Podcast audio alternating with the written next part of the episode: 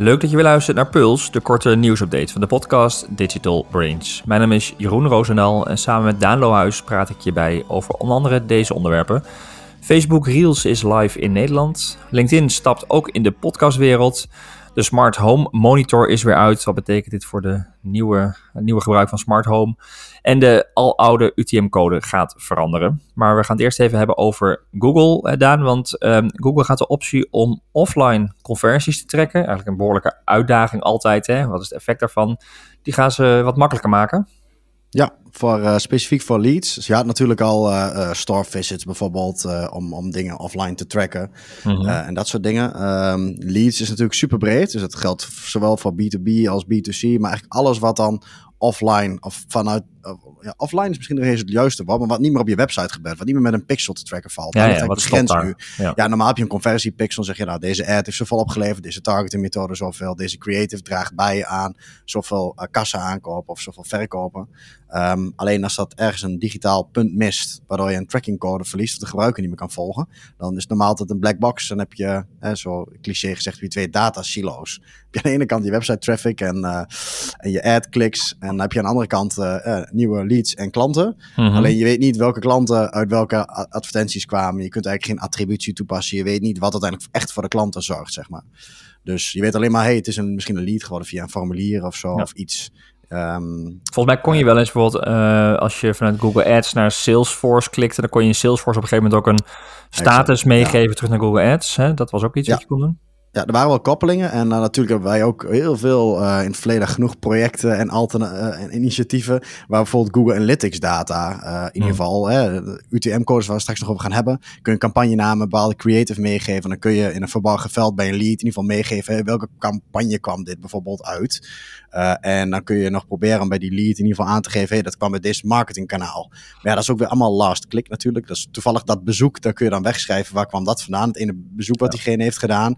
En dan kun je dat proberen te gaan matchen natuurlijk aan, hey, is dat uiteindelijk in het CRM-systeem, hoeveel uh, klanten die we uiteindelijk hebben gehad, hadden die tag nog eraan vastzitten met de campagnenaam bijvoorbeeld. Ja, Alleen wat Google nu gaat doen, is dat veel makkelijker maken. En dat noemen ze dan enhanced conversions, waardoor ze ook een, ja, een, een code meegeven, een bepaald ID. En niet alleen maar van het websitebezoek, echt van de ad die is gezien, van, mm -hmm. de, van de klik. En hè, dus dat kun je al veel dieper ook echt in de advertentie gaan zitten in, in de campagne, ook specifiek ook campagne was dat. En het werkt ook op een automatische manier. Want wat ik net beschreef, die campagnenamen wegschrijven, dat is natuurlijk ook uh, uh, handmatig. Moet development bij komen kijken. Iedereen ja. moet die campagnecodes goed doen. Dus het is heel complex, erg kwetsbaar, hè? zeg maar, ja. complex. Er moet veel voor worden ingericht. Extra CRM-velden. Nou, dat is hier nog steeds wel een beetje zo. En, maar het is teruggebracht tot één code. Dus -huh. je kunt nou met enhanced conversions, dus een gehashte code, dus een geheime code die niet terug herleidbaar is als je hem zo ziet, um, kun je meegeven aan een conversie. En die kun je weer eigenlijk uh, ja, teruggeven aan Google om te zien, hey, welke advertenties kwamen nou ook met offline conversies vandaan.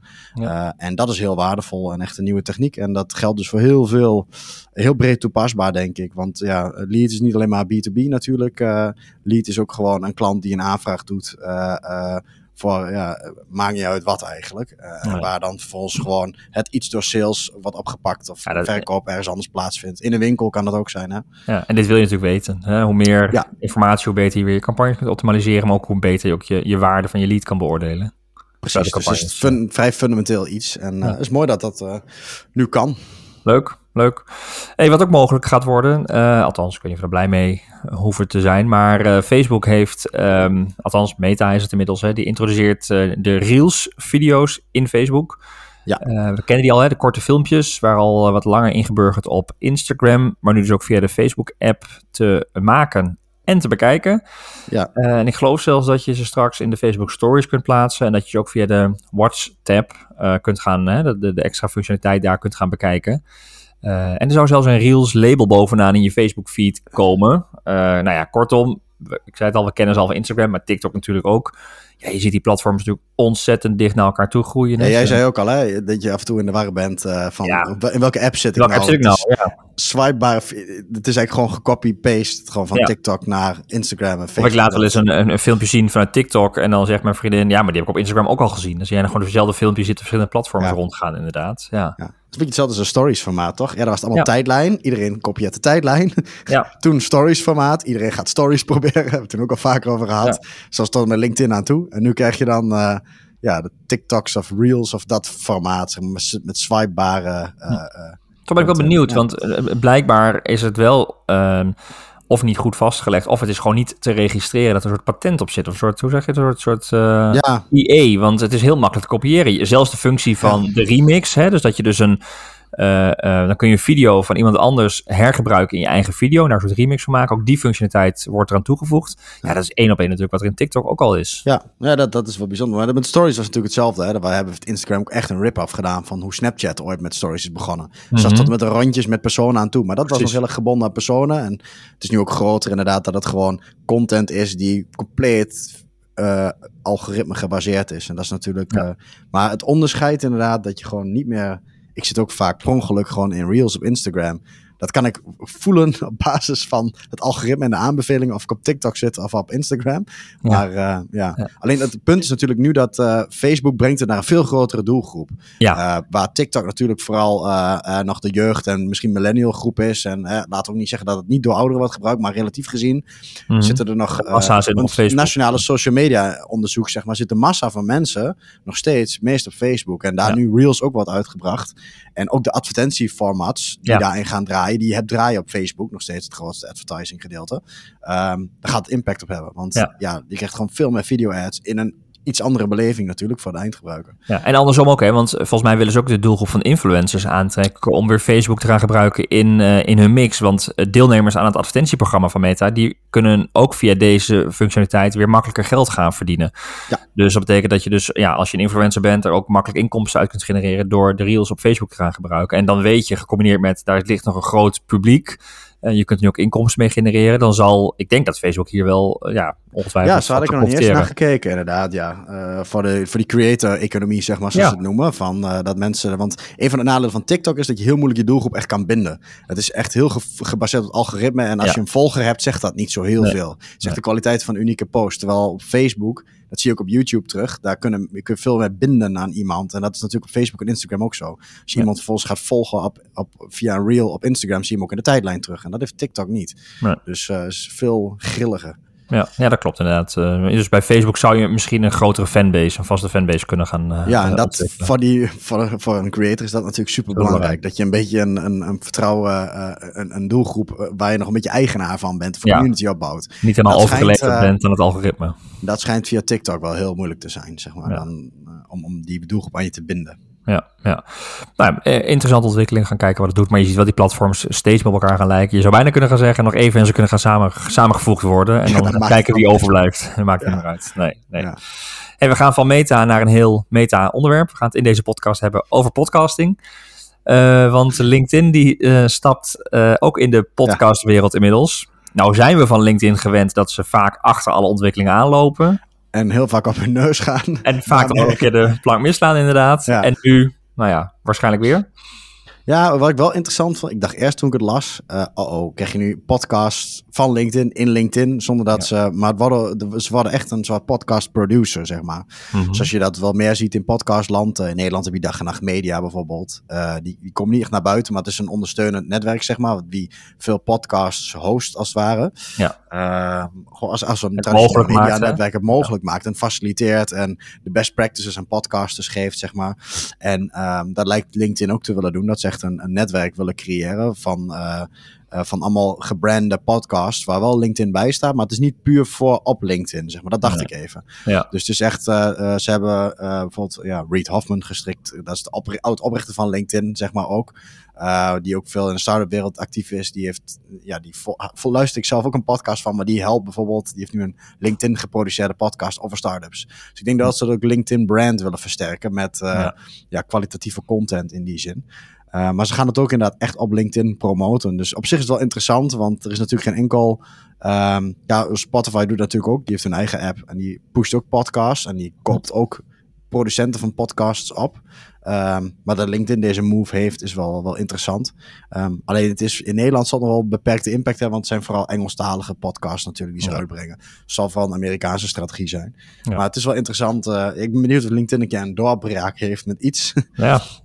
En het heeft veel potentie nog. Ik blijf LinkedIn mooi vinden qua potentie, zeg maar. Alleen je ziet toch veel experimenten die ze doen om betere content in feeds te krijgen en zo. Wat jij zegt, eh, ze zitten niet echt op de bal, zeg maar. eh, wat Nee, qua innovatie eh, hebben ze of de verkeerde dingen of ze lopen te ver achter, inderdaad. Ja, ja, maar dus, ze zijn hard bezig. Dat is geval positief. Ja. Ja, en dat ze het opengooien is wel. dus LinkedIn, them- thematische podcast, die komen dus ook gewoon in Apple Podcasts, Spotify ook terecht. Ze, worden echt, ze gooien het wel open, dus dat geef ik ze wel mee. Dat is denk ik wel een goede keuze. Oké, nou, een kleine update heel even vanuit het eh, Microsoft eh, Advertising netwerk. Als je daar gebruik van maakt en als bedrijf eh, heb je ook nog eh, bijvoorbeeld een goed doel of bepaalde, ehm, ja, wat, wat, wat intrinsiekere, purpose, relevante dingen, dan heeft, eh, heb je misschien wat interessants daar te vinden. Eh, want Microsoft heeft de Marketing with Purpose uitgerold. Eh, eigenlijk uitbreidingen op jouw zoekadvertenties die tonen dat jouw bedrijf zich dus inzet voor een betere wereld. Het zijn dus allerlei attributen die ze voorgedefinieerd hebben. En die kun je dus aanvinken eh, als, ja, als ze voor jou relevant zijn. En die worden dan bij de uiting neergezet. Ehm, eh, het is internationaal wereldwijd, hè, dus je kunt ze gewoon daar eh, ook voor je eigen, hè, ook als je in Nederland eh, campagnes draait, kun je er gebruik van maken. Ehm, ze waren al bekend, of eh, ze werden uitgerold in Amerika, of in ja, het Engelstalige gebied, maar dus sinds kort zijn ze nu ehm, in heel de wereld beschikbaar. Ja, en het is een, weer een extra feature aan je ads om eh, misschien net even dat kleine verschil te maken voor een doelgroep die dit relevant vindt. Ja, het is wel grappig, want je ziet, eh, ik moest het ook even voor me zien, maar je hebt hetzelfde als een Google ad, zeg maar. Ja. Eh, en dan staat er zo in het grijs bijvoorbeeld zo'n wereldbolletje bij carbon neutral. Zo, Ja. Dat zijn een soort van dingen die je extra doet, behalve winst maken, eh, die daar als een soort standaard opties bij in zitten. Voor de Ja. wereld. Het wordt natuurlijk steeds belangrijker, hè, die purpose. Wat doe je terug voor de wereld? Dus als je dat Ja. soort dingen kunt toevoegen, nou, het zal in ieder geval een goed gevoel geven bij, je bij je merk. Dus, ehm, eh, en er is een hele lijst, dus volgens mij voldoet aan de andere kant ook ieder bedrijf wel weer aan één van de opties. En eh, nou, dat is de vraag in hoeverre het dan nog onderscheidend gaat zijn. Ja, ja. Maar goed, wel een interessante. eh, ik ben ook wel benieuwd wat het überhaupt doet. Hè? Als je in je messaging naar buiten toe dat soort proposities ook hebt. Van, Ja. hè, het, is vaak niet relevant direct voor de aankoop. Het is niet een uniek aspect dat je carbon neutral bent van een product. Maar ik geloof er wel in dat steeds meer consumenten net even dat een extra zetje kan zijn. Ja. eh, als, je dat, eh, als je dat benadrukt en ook kan bewijzen. Dus Ja. ja. En het feit dat je bedrijf over nadenkt en betrokken Ja. mee bezig bent, zal kunnen helpen. Ja. Eh, nou, we hebben hem eh, volgens mij ieder jaar hier ook wel eventjes op de agenda staan. Dat is eh, naast het social media onderzoek ook altijd het smart home onderzoek, de smart home monitor. Waarbij we naar het kijken, of er wordt onderzocht naar hoeveel, hoe is het nou het gebruik van slimme speakers in Nederland. Dat groeit nog wel iets, maar gestaag. Een kwart van de huishoudens bezit op dit moment een slimme speaker, bijna 23 procent. Eh, en dat zouden 1,8 miljoen huishoudens zijn. En dat is een lichte stijging. Eh, vorig jaar stond het op 1,5 miljoen. Ehm, en wat misschien wel interessant is, welke zijn het natuurlijk? En eh, vooral ook de, de prijs van al die, ehm, eh, al die smart homes. Want die zijn nogal, zijn nogal prijzig. We geven in totaal 600 miljoen euro uit aan slimme speakers. Ehm, en ik zal even zoeken. De Sonos is natuurlijk heel populair. Uh, maar dat zit vooral ook, hè, de Sonos One Smart nu speaker. Die is ook heel mooi audio, hè? dat is waar mensen Ja. vaak gaan. Ja, ik denk dat dat het wel is, ook voor een groot deel hoor. Dat, dat Ja. nu een hele hoop mensen een slimme speaker hebben. Maar ik zou wel willen zien hoeveel mensen hem gebruiken. gebruiken als slimme speaker. Hè? Want Sonos Ja. is natuurlijk, dat was nu in de standaard in de markt als je gewoon een goede speaker wil, eh, eh, betaalbaar. En dan is die Sonos One en die is toevallig smart. Maar de vraag is of ze hem ook smart gebruiken. Ja, ja. Maar goed, die leidt, hè, 450.000 huishoudens heeft die speaker. Eh, daarnaast is het Google. Eh, de Go- Google Home eh, wordt gebruikt en de Google Home Mini. Dat staat op de tweede en derde plek, maar dan maar met 4 en 3 procent. Dus dat is echt ja, geen hele grote aantallen.